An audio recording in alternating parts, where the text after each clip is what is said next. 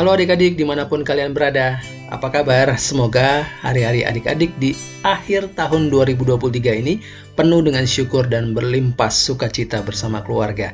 Kembali kita akan merenungkan firman Tuhan, membacanya dan tentunya berharap Tuhan mau berikan hikmat pada kita untuk melakukannya dalam kehidupan kita sehari-hari.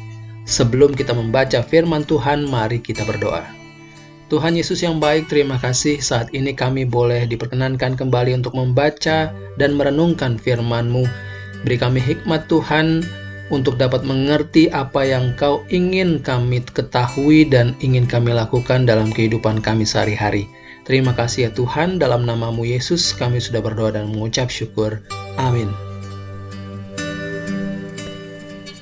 Renungan kita hari ini didasari oleh firman Tuhan yang terambil dari Lukas 2 ayat 1 sampai 7. Lukas 2 ayat 1 sampai 7 dengan judul perikop kelahiran Yesus. Saya akan membacakan bagian Alkitab ini dari terjemahan baru kedua Lembaga Alkitab Indonesia. Lukas 2 ayat 1 sampai 7. Pada waktu itu Kaisar Agustus mengeluarkan suatu perintah menyuruh mendaftarkan semua orang di seluruh dunia. Inilah pendaftaran yang pertama kali diadakan sewaktu Kirenius menjadi gubernur di Syria. Lalu, semua orang pergi mendaftarkan diri masing-masing ke kotanya sendiri. Yusuf pun pergi ke kota Nazaret di Galilea ke Yudea, ke kota Daud yang bernama Bethlehem, karena ia berasal dari keluarga dan keturunan Daud untuk mendaftarkan diri bersama Maria tunangannya yang sedang mengandung. Ketika mereka di situ, tibalah waktunya bagi Maria untuk bersalin, dan ia melahirkan seorang anak laki-laki, anaknya yang sulung. Ia membedungnya, lalu membaringkannya di dalam palungan, karena tidak ada tempat bagi mereka di penginapan. Demikian adik-adik firman Tuhan kita hari ini. Berbahagialah bagi kita semua yang mendengarkannya, menyimpannya dalam hati, dan melakukannya dalam kehidupan kita sehari-hari. Fokus renungan kita hari ini diambil dari Lukas 2 ayat 7 yang berbunyi, Dan ia melahirkan seorang anak laki-laki, anaknya yang sulung, ia membedungnya lalu membaringkannya di dalam palungan, karena tidak ada tempat bagi mereka di penginapan. Ya, adik-adik tahu mengapa Yusuf dan Maria pergi ke Bethlehem. Bila kita lihat dari perikop firman Tuhan yang kita baca, Yusuf dan Maria pergi ke Bethlehem karena ada sensus yang dilakukan oleh Kaisar Agustus. Sensus itu mewajibkan semua warga untuk kembali ke kotanya masing-masing, ke kota kelahirannya, ke kota keluarganya. Nah, untuk itulah Yusuf dan Maria pergi ke Bethlehem, karena di sana ia berasal dari keluarga dan keturunan Daud. Bethlehem sendiri dikenal dengan nama kota Daud yang berada di daerah Yudea. Sesampainya mereka di sana, mereka tidak mendapatkan tempat untuk menginap, apalagi saat itu Ibu Maria tengah mengandung dengan usia tua alias ingin melahirkan. Dan benar juga adik-adik, pada saat mereka sampai di sana, tibalah waktu persalinan itu.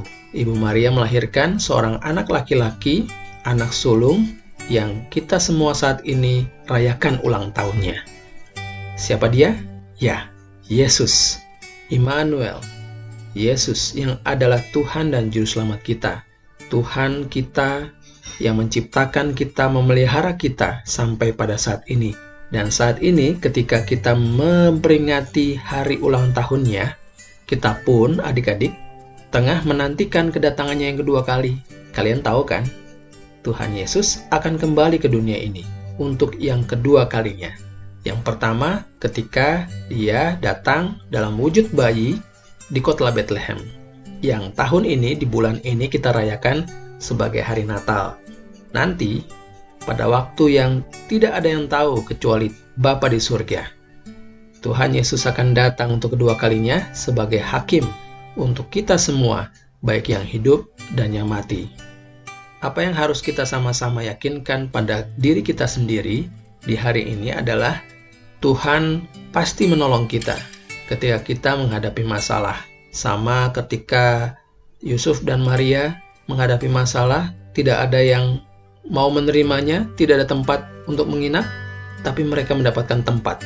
Mari saat ini kita mau sama-sama yakinkan hati kita bahwa Tuhan adalah penolongku.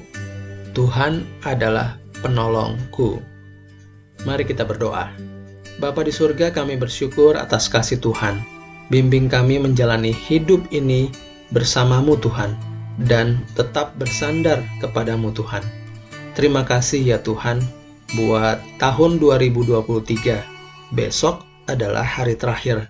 Biarlah kami semua bisa menjelang tahun baru 2024 dengan tetap terus bersandar padamu Tuhan, penolong hidup kami. Dalam namamu Yesus Tuhan dan Juru Selamat kami yang hidup, kami sudah berdoa. Amin. Demikian adik-adik renungan kita hari ini memasuki tahun baru 2024 lusa kita pun harus pegang ini dalam hati kita masing-masing bahwa Yesus adalah Tuhan penolong hidup kita. Sampai jumpa besok. Tuhan Yesus memberkati.